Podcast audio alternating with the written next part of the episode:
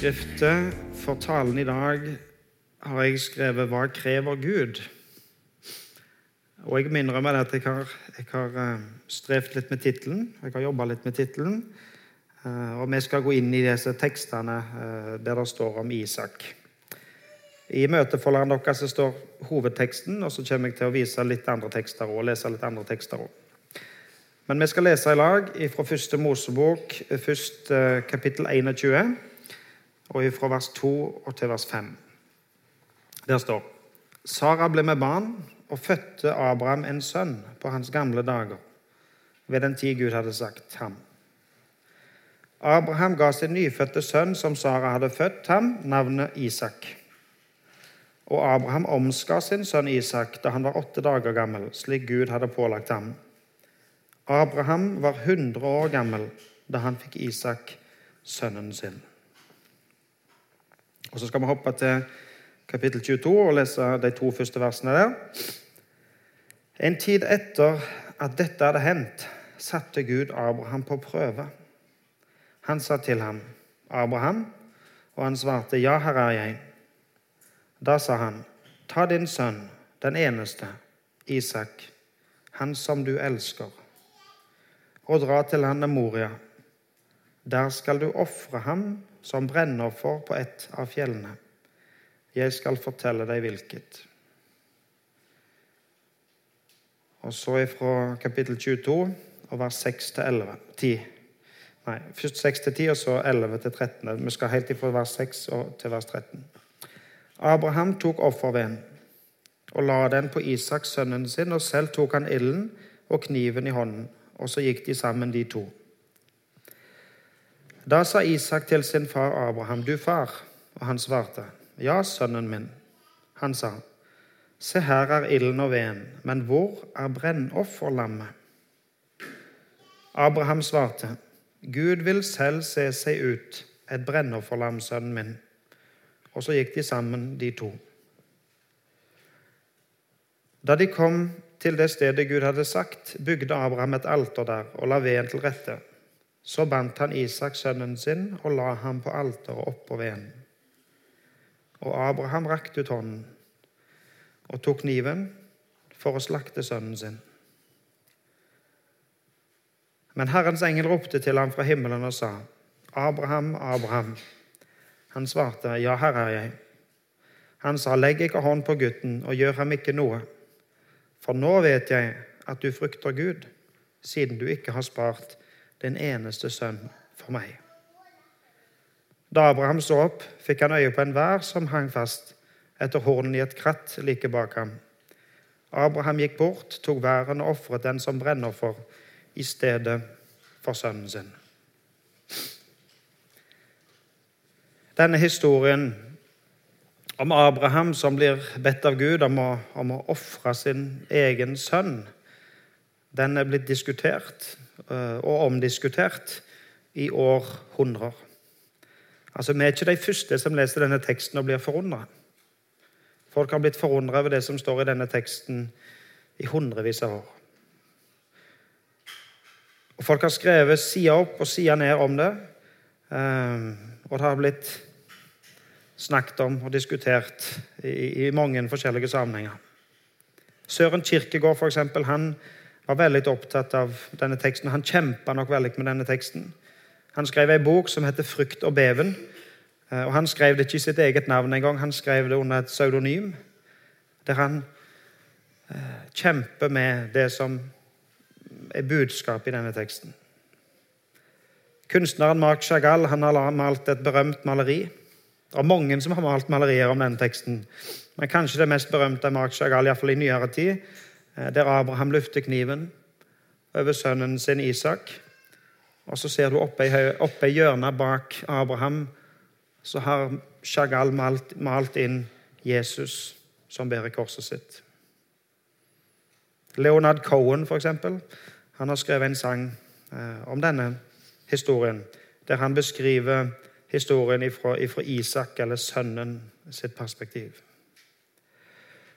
Jeg har hørt litt og jeg har lest litt i forberedelsene til denne talen. Og, og når jeg hørte en tale fra denne teksten fra ei svære kirke, Redeemer Presbyterian i, i New York, eh, der de har skal du si, egne folk som leser teksten, og som er gysla flinke til det. Så var det ei dame som leste med flott innlevelse, og når hun kommer til, til, til hovedpunkt si, i teksten, der Abraham legger Isak på alter og løftekniven, så begynner denne dama å grine. En enormt sterk tekst, en enormt sterk historie om en far som blir bedt av Gud om å ofre sin eneste sønn. Gud gav Abraham en sønn. Og Det som jo er underlig og forunderlig med at Gud gir Abraham en sønn, er at eh, Gud gav ikke Abraham en sønn når han var 35. Men Gud gir Abraham en sønn når Abraham er 100 år og Sara var 90.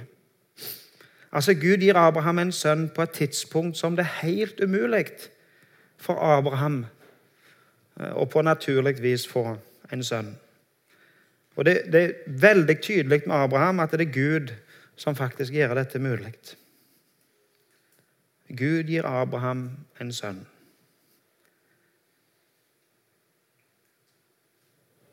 Hvis vi skal overføre det til oss Nå er det ikke så mange hundreåringer her som, som uh, blir far for første gang, eller andre gang for Abrahams del. sånn sett. Men, men tenk på det. da du som har barn.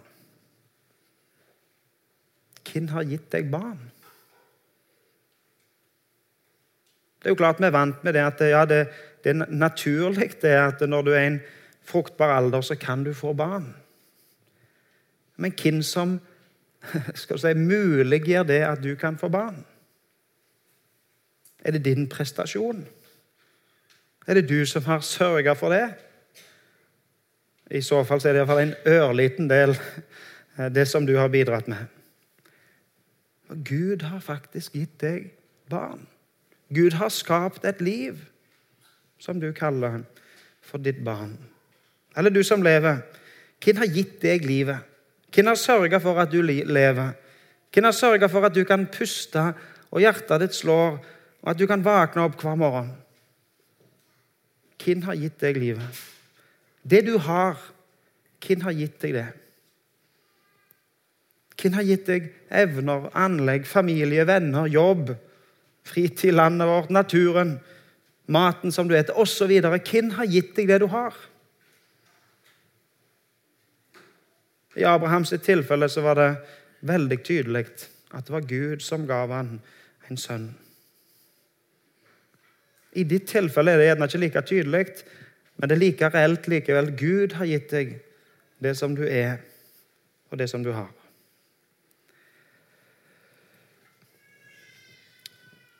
Og så begynner på en måte den historien som jeg har lest i dag, om at eh, Gud setter Abraham på prøve. Og så sier Gud til Abraham, 'Ta din sønn.' Og så er det jo som om, som om Gud på en måte gnir det inn. 'Ta din sønn.'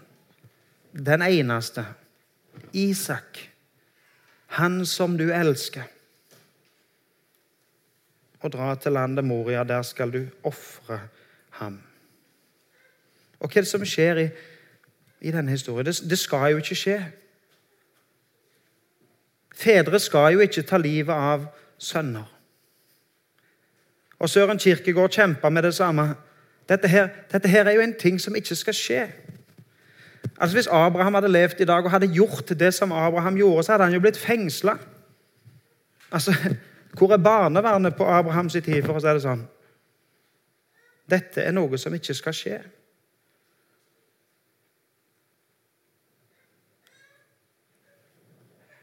Jeg tror vi skal eh, tenke på to ting i alle fall i denne historien. Hvorfor skjer dette? Og hvorfor kan Abraham gjøre dette? I Jobbs bok i Bibelen så skriver Jobb han som, han som på en måte blir fråtatt alt han har. Jobb som var en rik mann, og som, som, som hadde mye, både eiendeler og evner og alt. Han blir fråtatt alt det han har. Alt han setter sin lit til, alt som han gleder seg i. Og Han blir til og med sjuk sjøl. Og så sier Jobb, Herren gav, Herren tok, Herrens navn være lovet. Det er viktig å huske på at Herren gav.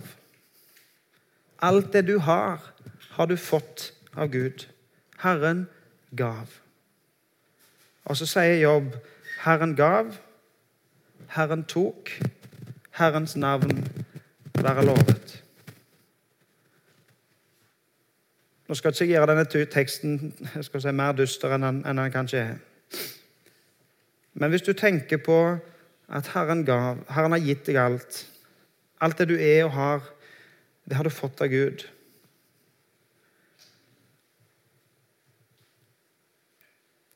Det er jo klart at du som lever livet ditt her på jord, du vet jo det. At hvis du er litt realist, så forstår du det at eh, alt det som du har i dag, det vil du ikke ha om 100 år. Alt det som du er og har og lever for i dag, det vil rett og slett en gang ta slutt. Og så skjer det for oss på forskjellige måter. Men en dag så har du det ikke lenger. Jobb sier 'Herren gav, Herren tok, Herrens navn være lovet'.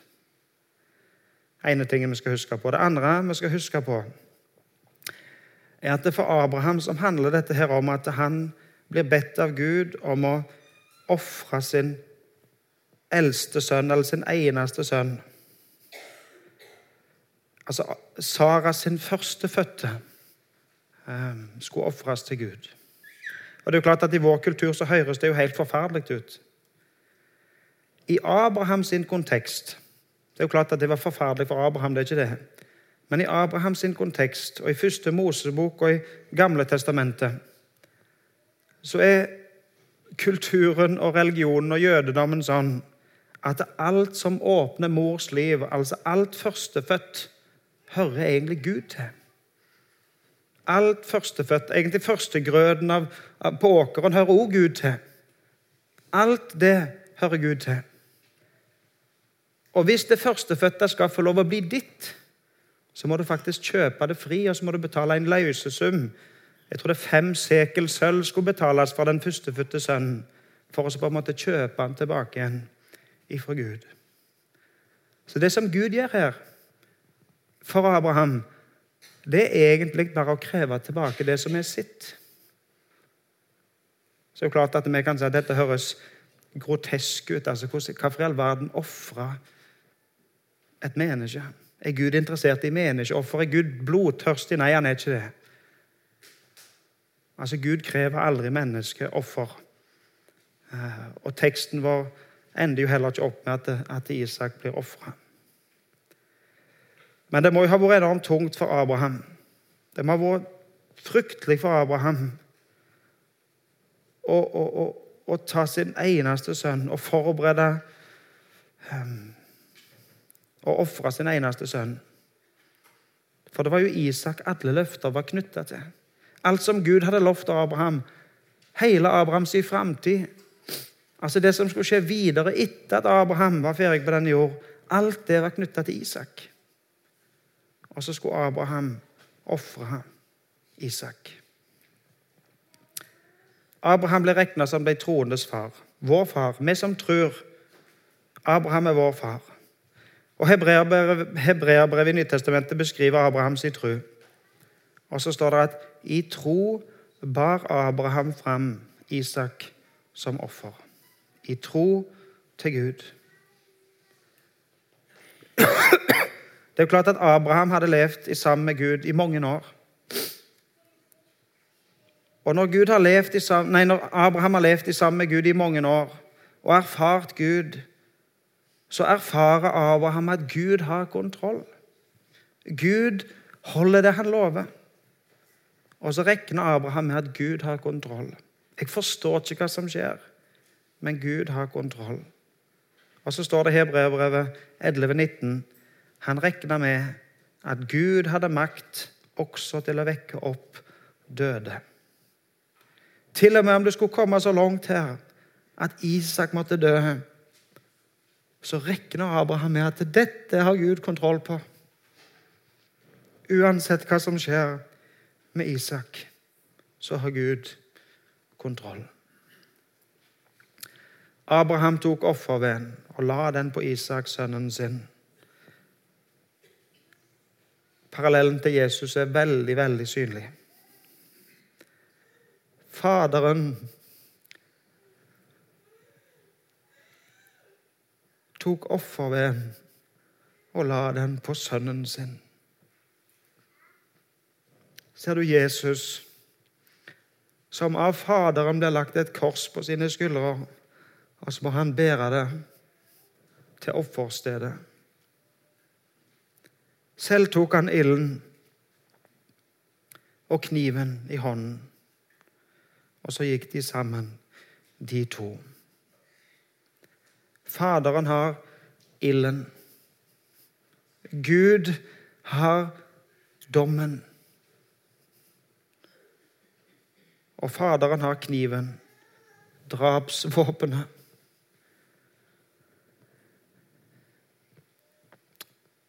Gud, Faderen, har det som til slutt tar livet av hans egen sønn ilden og kniven. Da sa Isak til sin far Abraham, 'Du far.' Og han svarte, 'Ja, sønnen min.' Han sa, 'Se, her er ilden og veden, men hvor er brennofferlammet?' Hvor er lammet? Hvor er det som skal ofres? Det er klart Vi ser av teksten vår her at det, det er ikke første gang Isak har vært med på dette. Isak vet hva som skal skje. Isak vet at når vi ofrer et, et, lam, så, så, så, har vi et dyr med oss. Vi, vi, vi legger dette lammet på, på alteret, og så ofrer vi til Gud. Det har skjedd før i Isak sitt liv. Og så spør Isak her nå hvor er lammet denne gangen.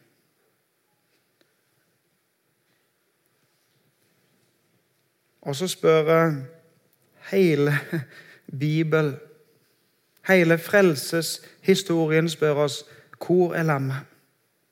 Hvor er lammet? Og svaret får vi i Nytestamentet når Johannes døperen strekker ut sin finger. Og så peker han på Jesus, og så sier Johannes døperen, se der. Se der er Guds lam som bærer verdens synd. Abraham svarte, Gud vil sjøl se seg ut et lam. Gud vil ordne med lammet. Gud vil sørge for det som skal ofres. Abraham løfter kniven, klar til å ta livet av sønnen sin, i total lydighet til Gud. Og i Tradisjonelt så har fokuset vært på Abrahams lydighet. Og i, eh, i islam for eksempel, så er fokuset Historien står også i Koranen. Eh, for, for Koranen og, og, og, islam har felles historie med kristendom fram til dette punkt. Eh, og Historien står i Koranen, og, og, i tradisjonell tolkning av denne teksten så er fokuset på Abraham sin lydighet. Og så ser vi hvordan Abraham går i total lydighet eh, til Gud. Og så kommer vi til høydepunktet i teksten. Når Abraham løfter hånda og kniven og er klar til å ta livet av sønnen sin, og så griper Gud inn i teksten og så sier han, legg ikke hånd på gutten. Gjør ham ikke noe. Stopp. Gud griper inn. Og så sier Gud, nå vet jeg nå vet jeg at du frykter Gud. Abraham gjorde som Gud ba han om, i tro til Gud. Abraham trodde Gud. Hvordan hadde Abraham fått den troen? Hva som gjorde at Abraham var kommet der at han kunne gjøre det som Gud ba han om? Skulle sagt nesten Uansett hva Gud ber han om, så gjør Abraham det. Har Abraham fått den troen fordi han har, har intellektuelt tenkt seg til det sjøl? Har Abraham fått den trua fordi at han har studert og, og, og funnet ut og, og, objektivt sett på alle verdens religioner og gjort sitt eget valg, at 'dette vil jeg'? Nei, Abraham har fått den trua fordi at han har levd med Gud. Livet med Gud har gitt Abraham den trua som Abraham har når han er totalt lydig til Gud. Man kunne sagt han har ei, ei blind tru. Han stoler blindt på Gud. Total tillit til Gud. Han har, han har erfart i 100 år at Gud har kontroll. Og så vet han at Gud har kontroll. Blind tro. Total tillit. Jeg var på fjellet i år og sto på ski. Eh, og så sto jeg på ski i lag med eh, Ann Julian. Og det er klart for, for en Julian som ikke kan se, eh, så er det utfordrende nok å stå på ski i en slalåmbakke. Han han er ufattelig tøff, for han, altså, han, han bryr seg ikke han om han krasjer noen folk eller noen trær. Men, men det blir tåpelig for alle som han kjører inn i. Men, men når meg og Julian, eller når Julian skal stå på ski, eh, så må jeg hjelpe han. Og da har vi en sånn, Dere sikkert sett sånn seler som, som, folk heller ungene i når de skal stå på ski. Jeg har alltid lett litt av danskene som kjører rundt med seler i skitrekket. Men, men eh, nå gjør jeg det sjøl, da. Eh, så har han, har han eh, Julian dette beltet rundt livet, og så er det en sele som går bak, og så, og så heller jeg han Julian i, i tau, renner jeg på ski bak han, og så heller han og styrer litt, drar litt i den og drar litt i den for at vi skal klare å komme oss ned løypa. Og Julian han setter ut forbi. Og av og til roper han til meg og sier 'Her var det bratt', og der er det ganske bratt. Og så durer vi på nedover. Han renner jo rett fram, og jeg bremser bak ham. I total tillit til at jeg har kontroll. Hvorfor har han Julian tillit til at jeg har kontroll? Jo, fordi at meg og Julian har rådd nede i bakkene 10, 15, 20, 40 ganger. Og så vet han Julian dette går bra. For han har erfart at det holder. Han har erfart at det er en annen som har kontroll nede i eh, skibakkene. Hvordan har Abraham fått den trua som gjør at han kan gjøre hva som helst for Gud? Jo, for han har erfart at Gud har kontrollen. Han har erfart at at Guds omsorg, Guds kjærlighet, Guds løfter At alt holder. At i livet med Gud så har Gud kontroll. Da Abraham så opp, fikk han øye på en vær som hang fast etter hornet i et kratt like bak ham. Abraham gikk bort, tok væren og ofret den som brennoffer i stedet for sønnen sin. Gud sørga for offeret. Isak måtte ikke dø. Det var en annen som døde i plassen for Isak. Hva tror du Abraham hadde sagt hvis Abraham hadde stått hundrevis av år seinere på et fjell og sett på han som hadde båret korset sitt opp til Golgata. Hva tror du Abraham hadde sagt hvis Abraham hadde sett når Jesus hang der og ropte ut og sa det er fullbrakt? En annen har dødd for deg. Gud har sørga for lammet. Hva hadde Abraham sagt hvis han sto der? Jeg tror Abraham hadde sagt Nå vet jeg. Nå vet jeg at du, Gud, du har ikke spart en eneste sønn for meg. Nå vet jeg at Gud, han gav sin egen sønn for meg. Gud sørga for lammet, Gud sørga for offeret. Nå vet jeg. Marc Chagall han malte et bilde i 1966 som er blitt veldig kjent om dette. Og så har vi skrevet overtekst overskriften over, over talen i dag om, om hva krever Gud. Hva krever Gud av Abraham? Jo, Det står jo i Bibelen at Abraham trodde Gud. Abraham trodde på Gud, og det ble regna han til rettferdighet. Abraham levde med Gud. Han gav alt til Gud. Til og med når han ikke forsto engang hva dette handler om, så gav han alt til Gud. Og ingen kunne ta ifra han den troen. Jeg har undret meg mange ganger når vi hører om, om martyrer, om, om, om, folk som tror, og som blir fratatt alt. Eh, men de mister ikke troen. Hvordan klarer de å holde ut? For å si det så, Du kan ta ifra folk alt. Du kan ta eiendom, familie, venner, helse ifra en person. Men du har ikke makt til å ta ifra en person trua.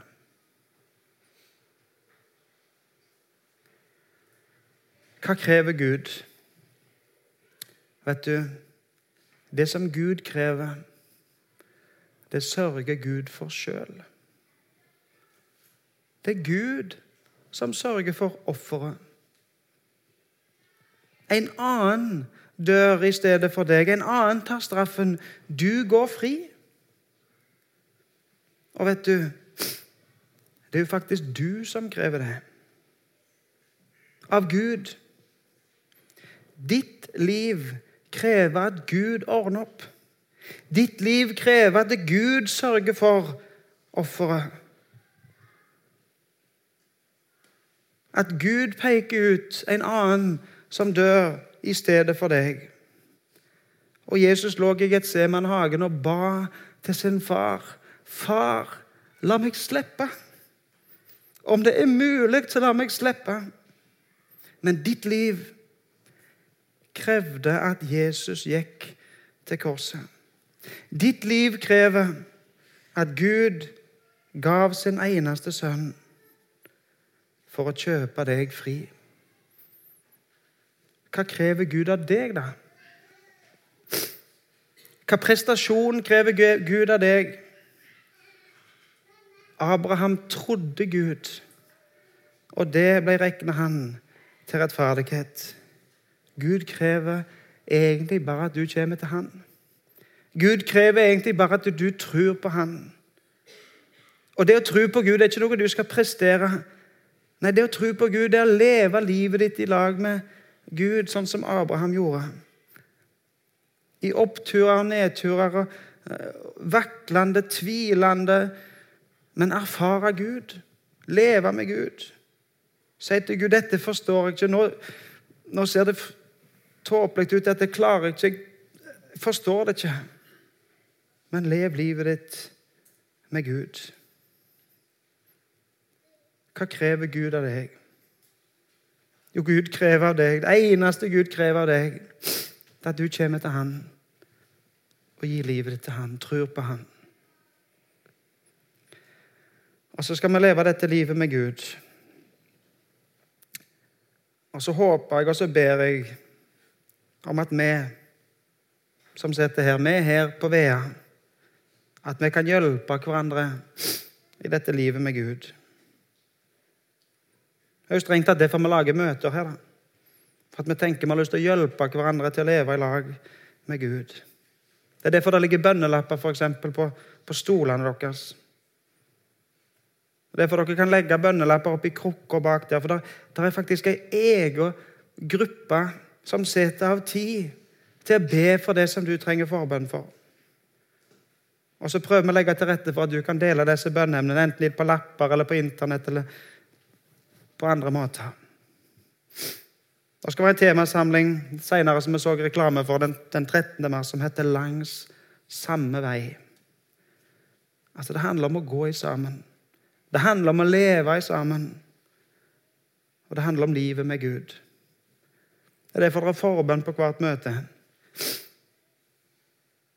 Ikke fordi at eh, vi vil se hvem som er modigst her, som våger reise seg og gå bak. Men, men, du som kjenner på et behov, du skal få lov å gå og sette deg der med en forbeder. Og så kan du ganske enkelt bare si 'be for meg'. Og så er det en forbeder som ønsker å be for deg. Vi ønsker å være et fellesskap der vi kan få lov å hjelpe hverandre til å leve livet i lag med Gud. Skal vi be. Kjære Jesus. Takk for at du ikke sparte den eneste sønn, men gav han for oss alle. For at vi skal få lov å leve i lag med deg. Kjære Jesus, gi oss tru. Øk vår tro. Gjør det sånn at vi kan få lov å leve dette livet i lag med deg i, i, i barnslig tillit til at du har kontroll. At dine løfter holder, at din kjærlighet er så stor til oss at du ønsker oss kun det beste.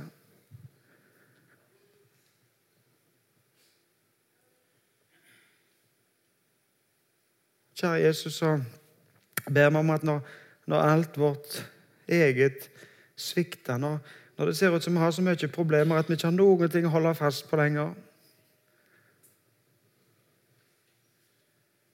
Takk for at du holder. Jeg ber meg at vi må få lov å holde fast på deg. For at du holder. Du har kontroll. Du har all makt. Jeg har lyst til å be deg for uka som ligger før oss, for vinterferien og for alt som skal skje denne uka. For som skal skje på bedehuset både i veka og i helga som kommer. Jeg ber deg for oss som kommer her, at vi må få lov å komme til dette huset fordi vi har lyst til å være sammen med hverandre og sammen med deg. Og du velsigne hver en i livet med deg, i livet med hverandre, i hverdag og fest. Legg meg alt i dine hender, i ditt navn. Amen. Thank you.